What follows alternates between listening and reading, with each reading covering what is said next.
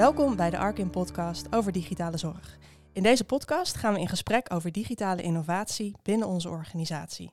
Mijn naam is Rebecca en samen met Wessel spreken we met collega's over dit onderwerp.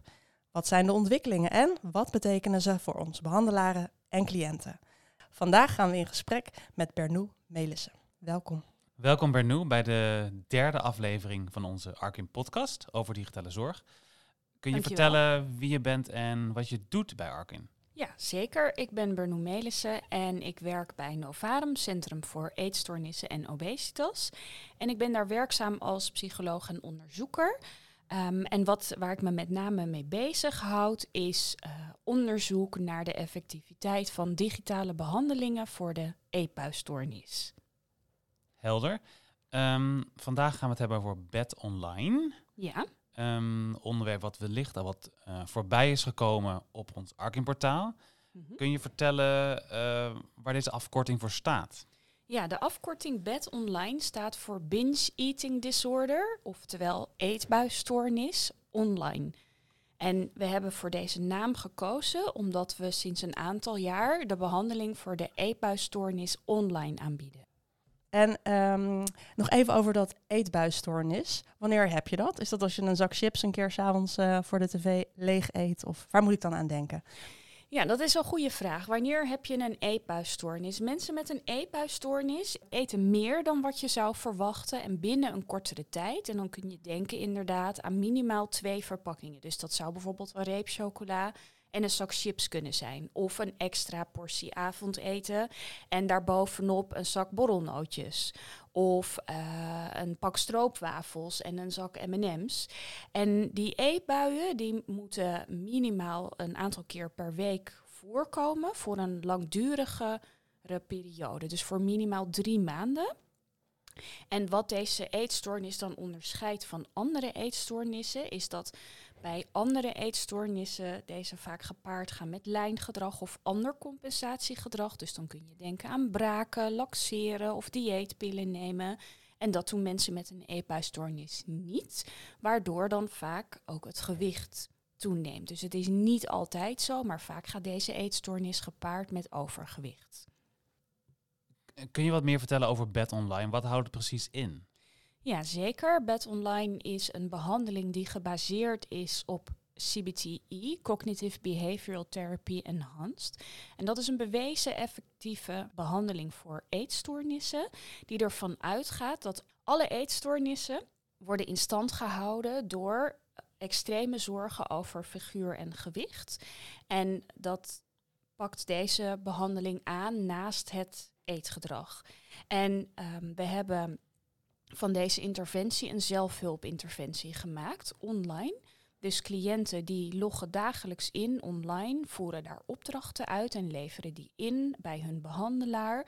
En die behandelaar kan ze dan inzien en dan hebben ze één keer per week een kort videobelgesprek waarin ze bespreken waar ze tegenaan zijn gelopen en ook waar ze komende week van verwachten dat ze daar tegenaan zullen lopen en krijgen feedback op hun opdrachten. En dat is een twaalfwekelijkse behandeling.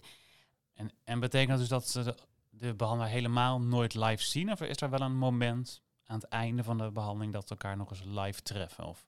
Nou, in principe is deze behandeling helemaal online. En waarom zou je mensen online behandelen? We weten uit andere onderzoeken dat mensen met overgewicht ervaren meer zelfstigma. En mensen die veel zelfstigma ervaren, die ervaren minder barrières om in behandeling te komen wanneer deze behandeling op afstand is. Want de behandeling is in hun eigen vertrouwde omgeving. En daarnaast zijn andere voordelen dat iemand geen reistijd en geen reiskosten heeft, minder snel vrij hoeft te nemen van werk, dus minder productieverlies, minder ziekmeldingen. Uh, dus het gewone leven kan wat meer doorgaan terwijl iemand behandeling volgt. Dus we bereiken hiermee mensen die we voorheen wat moeilijker konden bereiken. Dat klopt. Um, mensen komen sneller in behandeling, maar we hebben ook een groter bereik binnen Nederland. Dus mensen die verder van een therapiecentrum wonen, kunnen nu ook goed in behandeling komen. En daarnaast weten we ook dat op de lange termijn de effecten beter zijn dan wanneer je een behandeling in de kamer hebt. Want wat je in de kamer ziet, is dat een cliënt toch wel soms sociaal wenselijke antwoorden geeft. En ehm, dat gebeurt minder bij een behandeling op afstand, weten we, waardoor er meer interne motivatie ontstaat vanuit de cliënt en dus ook uh, de therapie-interventies beter blijven hangen. Dus iemand langduriger herstelt. En, en, en waarom is dat dan? Dat iemand in een, wacht, in, een, in een behandelkamer dus anders antwoordt? Nou, dat is een goede vraag. Dat hebben we niet, of ik heb dat niet onderzocht. Maar wat ik vermoed, is dat er toch een soort wederkerige relatie ontstaat tussen de therapeut en de patiënt of de cliënt. En je wil toch graag aardig gevonden worden. Uh, of, of die bevestiging krijgen dat je het goed doet. Waardoor je toch soms wat sociaal wenselijker gedrag laat zien. En is het dan zo met de, met de online uh, behandeling dat een behandelaar de antwoorden bijvoorbeeld niet ziet? Of trek ik verkeerde conclusies? Um, nou, de antwoorden uh, ziet de behandelaar wel. Hè. Dus de, de, antwoorden die ingevoerd zijn op het behandelplatform, die ziet de behandelaar. Maar, um, en ook natuurlijk tijdens zo'n videobelgesprek heb je ook een uh, een één op één gesprek. En dus wat precies die mechanismen zijn, wat maakt dat iemand minder sociaal wenselijk laat zien, daar durf ik niet precies antwoord op te geven. Maar we weten wel dat het zo is. Ja. En um, zijn er ook cliënten waarvoor deze behandeling helemaal niet geschikt is? Kijk, geen één behandeling is 100% effectief. Helaas. Dat zouden we wel heel graag willen, mhm. maar dat is helaas niet zo. We hebben nog niet zo ontdekt voor wie deze behandeling nou niet effectief is. Sterker nog, we, hebben, we kunnen voorzichtig de conclusie trekken dat deze behandeling, ondanks dat die uh, veel minder intensief is aan therapeutentijd, uh, zeker niet onderdoet voor een reguliere 20-wekelijkse behandeling uh, die face-to-face is. Um, maar je kan je misschien wel voorstellen dat iemand die erg veel vermijdende trekken heeft en daar nog wat meer baat bij heeft, dat die wel ietsje makkelijker kan vermijden dan wanneer je in de kamer komt bij je therapeut. En wat je dan doet, is iemand heel erg aanspreken op de eigen regie, eigen verantwoordelijkheid. Waarom wilde iemand van de eetstoornis af? Waarom heeft iemand zich aangemeld voor behandeling? En zo probeer je dat te ondervangen. En je, ik hoorde je net zeggen dat de reguliere of de, de behandeling die we voorheen gaven, um, ehm, 20 weken duurt. En volgens mij zei je dat het platform 12 weken duurt. Klopt, dat? Ja. waarom zit daar zo'n verschil in? We weten dat uh, cognitieve gedragstherapie um, over het algemeen na een gemiddeld zo'n 12 sessies minder uh, effectief is. En we hebben um, we merken een hele snelle afname van het aantal eetbuien. Sneller dan bij een behandeling in de kamer. Dus die tijd die kun je inkorten. En we zien dat iemand voldoende hersteld is ook echt na die twaalf weken. Hm. Dus de online versie werkt eigenlijk beter. Of is dat een beetje voorbarig?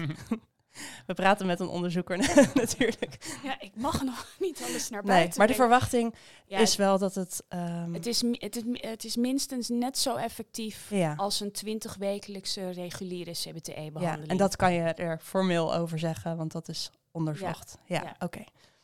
En je noemde net allerlei voordelen van deze online behandeling. Wat was eigenlijk überhaupt de aanleiding om dit online te gaan aanbieden? Ja, goede vraag. Um, we hebben verschillende richtlijnen voor eetstoornisbehandelingen. De Nederlandse richtlijnen zegt dat je cognitieve gedragstherapie voor eetstoornissen aan zou moeten bieden, bijvoorbeeld CBTI, wat wij ook deden. Internationale richtlijnen die houden echter het stepped care model aan. En het stepped care model dat zegt dat je eerst de minst intensieve behandeling aanbiedt en pas gaat opschalen indien dit nodig is. Oftewel dat je bij een eetbuisstoornis als eerste begeleide zelfhulp aanbiedt. CBTI is de, een van de meest effectieve behandelingen. Die is evidence-based, dat weten we. En zodoende hebben we dit gecombineerd tot een online begeleide zelfhulp. Daarnaast hebben we, net zoals bij alle andere merken van Arkin, te maken met lange wachtlijsten. En nu kan een behandelaar in dezelfde tijd meer cliënten behandelen, wat potentieel kan betekenen dat de wachtlijsten verkort worden en de cliënten toch net zo goed van hun eetstoornis kunnen herstellen. En Ik heb het ook wel eens nagevraagd aan een cliënte als je nou zou mogen kiezen. Ehm, zij was in het begin heel erg tegen eh, online behandeling. Mhm. Dat wilde zij niet. Toen zei ik, als je nu zou mogen kiezen, wat zou je dan kiezen? En toen zei ze, ja, dan zou ik toch weer voor begeleide zelfhulp kiezen. Want ehm, reizen van en naar Novarum kost veel tijd en veel energie. En je hebt dan ook al je energie nodig voor de sessie. En nu heb ik daadwerkelijk al mijn energie kunnen bewaren voor de sessie. En als ik iets bedacht of ergens mee zat, dan kon ik meteen inloggen en kon ik meteen daar een opdracht over maken of daar iets over schrijven. Terwijl ik normaliter dan een week had moeten wachten tot ik mijn therapeut weer zag. Dus als er iets was, dan kon ik daar meteen wat mee doen. Mooi. Ja, En je noemde het al even de wachtlijsten. Is, is die momenteel nog lang voor deze behandeling? nou momenteel doen we een vervolgonderzoek naar deze behandeling. Dus nu is de wachttijd niet zo lang omdat we een pool behandelaren klaar hebben staan voor deze behandeling. Maar we hebben helaas te maken met lange wachtlijsten eh, voor een eetstoornisbehandeling. Te lang, eh, als je het mij vraagt. En de cliënten zijn het daar waarschijnlijk ook mee eens. Dat snap ik. Eh, kun je ons iets uitleggen over het bed online onderzoek wat je hebt gedaan? Z- zeker. We hebben twee bed online onderzoeken. Het eerste bed online onderzoek, daar vergeleken we de bed online behandeling, dus begeleide zelfhulp CBTI, met een wachtlijst. Hè, want je wil eigenlijk weten of mensen nou herstellen door de tijd of echt door de behandeling. Dat is altijd de eerste stap. En toen zagen we een duidelijk verschil in de mensen die op een wachtlijst hadden gestaan en de mensen die daadwerkelijk de behandeling hadden gevolgd. Dus de mensen die de behandeling hadden gevolgd, die herstelden goed. En nog een leuk weetje, we hebben ook berekend wat nou vermindering van één eetbui kost aan therapie eh, kosten. En dat is 17 euro. En ik denk dat een gemiddelde eetbui ook zo'n 17 euro al snel kost. Dus dat vond ik een leuke vergelijking. Is het? En toen wilden we natuurlijk weten of die bed online behandeling nou potentieel niet onderdoet voor een 20-wekelijkse CBTI-behandeling. En om alsnog die eh rijkwijde groot te houden, hebben we besloten om die CBTI-behandeling ook online aan te bieden. We zijn dit onderzoek ook gestart in de COVID-tijd, dus dat was ook nog een mooie bijkomstigheid. En nu hebben we zo'n 140 mensen in behandeling die eh, vergeleken worden tussen begeleide zelfhulp CBTI of reguliere CBTI. En wat zijn de resultaten uit de ervaringen van de cliënt? Wat, wat, wat krijg je terug van hen? En we hebben al even een beetje gespiekt op, eh, op de zorgkaart. Eh, Ja? En dat- Oh, wat nou, stond daarop? Nou, daar, waren, daar, waren heel, daar zijn de cijfers gewoon heel mooi, heel hoog. Ja, oh, dat opvallend is goed. mooi. Ja. Jullie zijn goed op de hoogte, beter dan ik. Leuk om te horen. Dus dat belooft veel goed, maar wat, wat krijg jij terug? Wat ik al voornamelijk terugkrijg zijn inderdaad positieve reacties. Cliënten die heel erg blij zijn ehm, dat de eetbuien afnemen, dat ook de onderliggende klachten afnemen. En vooral ook dat ze weten wat ze wel en niet moeten doen als ze eetdrang voelen. Of als ze eens een keer een eetbui hebben gehad, want dat gebeurt echt nog wel eens een keer. Dat ze niet meteen een terugval hebben, maar dat ze het ook daarna weer op kunnen pakken. En dat ze vertrouwen hebben dat ze dit kunnen.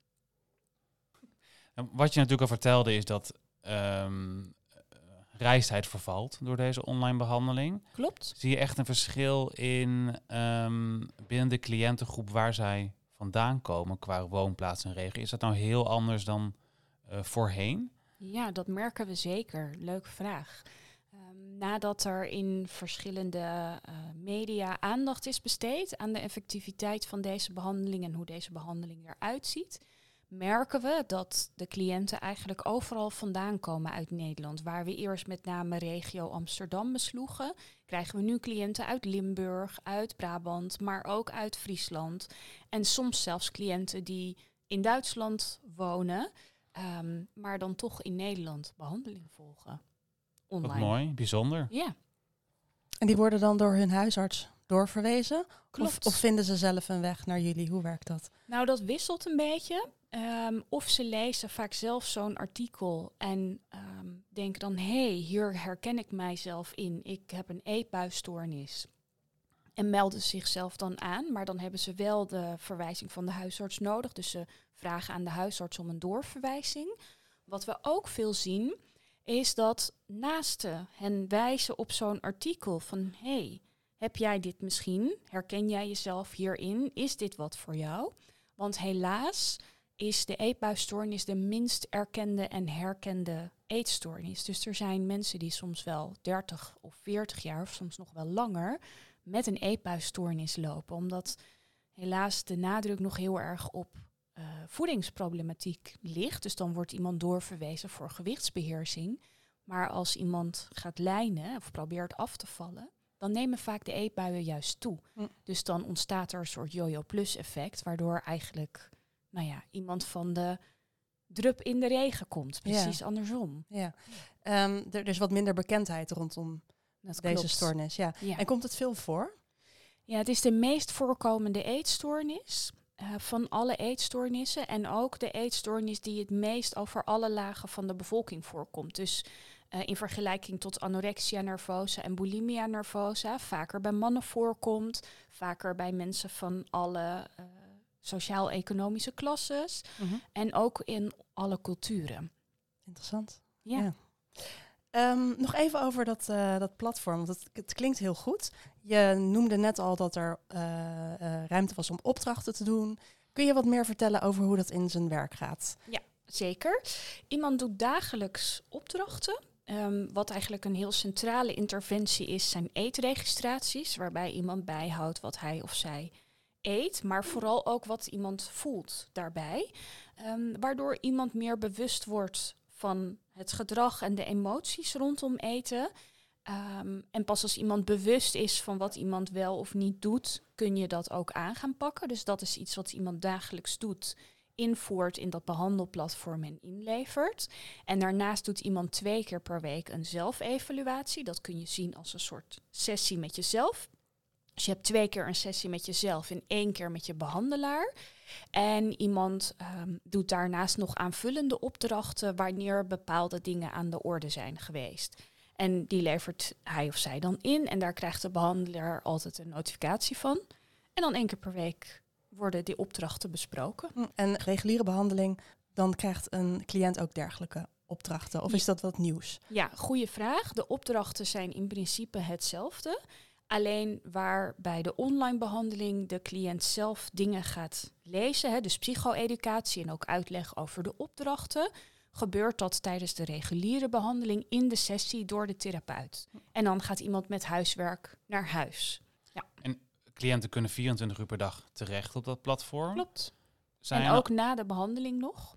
En zijn er ook mogelijkheden, bijvoorbeeld stel dat de cliënt een, een drang krijgt voor een eetbui of heeft hij net gehad en wil daar iets, wil zich, ja, wil dat bijvoorbeeld ventileren. Is er nou mogelijk? Ik kan me voorstellen dat, dat iemand dan ook behoefte krijgt om daar iets mee te doen. Of kan dat binnen dat platform? Ja, ze kunnen dan een opdracht doen die past bij die eetdrang. Hè, dus die kunnen ze uitvoeren.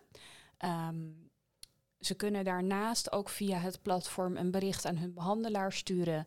Uh, naast de gewone communicatiemiddelen zoals mailen en bellen. Um, maar mijn persoonlijke ervaring is, is dat ze eigenlijk tussen de behandelingen door heel weinig contact opnemen. Dat ze toch heel zelfstandig zijn in het doorlopen van die behandeling en het uitvoeren van de opdrachten. Dat is echt echt heel zeldzaam dat ze hm. tussendoor contact opnemen, is mijn ervaring.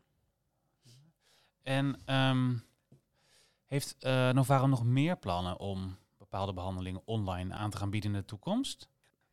Voor zover ik weet, zijn ze wel momenteel aan het onderzoeken of de obesitasbehandeling, dus dat is een behandeling voor mensen met een eetstoornis met een BMI boven de 40, of die ook baat zou kunnen hebben bij een online behandeling. En zou het dan een volledige online of zou het een soort blended vorm worden, denk je? Ik moet bekennen dat ik niet in dat team zit, dus ik durf daar onvoldoende over te zeggen. Maar mijn vermoeden is dat dat dan om een volledig online behandeling zou gaan. Maar pin me daar niet op vast, want ik durf het niet uh, met volle zekerheid te zeggen. Interessant. Dat we, dat we kijken hoe het, uh, wat het gaat doen in de toekomst. Ja, We houden het in de gaten. Hey, en ehm, je had het net al over wat cliënten ervan vinden van de behandeling. Maar hoe is dat voor jou bijvoorbeeld als behandelaar met zo'n online platform? Ik vind het heel erg leuk om te doen. Ehm, vooral omdat je ook snel door een behandeling heen gaat en merkt dat uh, een cliënt dat prima aan kan. Hè. Nu doen we dat onderzoek waarbij we vergelijken met de reguliere behandeling.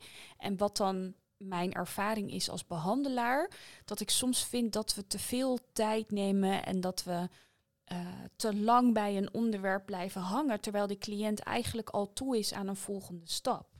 En um, dat remt het af. En als je sneller er doorheen gaat en de cliënt zit er goed in, dan komt de cliënt in een soort flow terecht, uh, die een soort positieve vibe met zich meebrengt. Mm -hmm. um, dus ik vind dit heel erg uh, leuk om te doen, heel erg fijn. Ik merk ook dat je, ondanks dat de be uh, behandelsessies kort zijn en de cliënt niet face-to-face -face ziet, dat je toch een goede relatie opbouwt.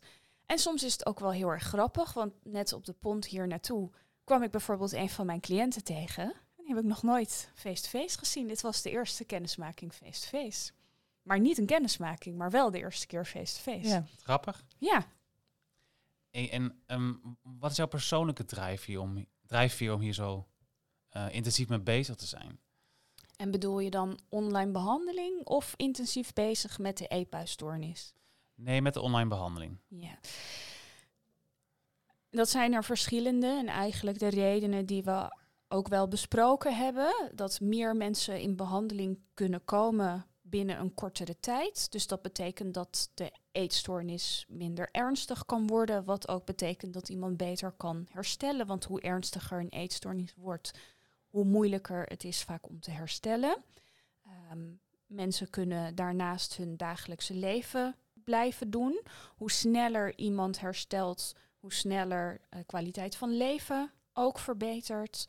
Um, meer mensen bereiken ja, wachttijdverkorting. Zeker, vooral die laatste lijkt me erg belangrijk. Zeker. Maar we kunnen pas echt concluderen of deze behandeling de wachttijd verkort uh, na dit laatste onderzoek waar we nu mee bezig zijn. En want als we echt kunnen vaststellen dat de begeleide zelfhulp niet onderdoet voor de reguliere behandeling, dan pas kunnen we echt stellen dat dit de wachttijd verkort. En, en, en tot wanneer loopt dit onderzoek nog? Ik vermoed dat we over een paar maanden de laatste patiënten zullen includeren. En die krijgen dan een 12 of 20 wekelijkse behandeling. En dan blijven we ze na de behandeling nog 40 weken volgen. Dus over een, nou ja, zeg maar een half jaar gaan we zo de laatste fase van, de, van dit onderzoek in. We zijn benieuwd naar de uitkomst uiteindelijk. En ja, uh, ook. we hopen ook eigenlijk dat we daar nog veel meer over gaan lezen op het uh, Arken portaal. Ik hoop het en ook. wellicht kom je nog eens uh, te gast in onze podcast. Graag. Um, ja, en ik, ik, vraag me ook, we hebben het over de toekomst. Hè? Wat, wat, wat zou nou jouw grote droom zijn op dit gebied? Dat deze behandeling op veel meer plekken ter wereld aangeboden gaat worden. En we weten dat er ook landen zijn waar de eetstoornisbehandelingen nog niet zo ontwikkeld zijn als bij ons in Nederland. Ik heb bijvoorbeeld in Saoedi-Arabië gewoond. Daar zijn geen specialistische eetstoornisklinieken. En het is een heel erg groot land. Hè, dus potentieel zou zo'n behandeling daar super efficiënt en effectief kunnen zijn. En heel veel mensen kunnen helpen over het hele land heen.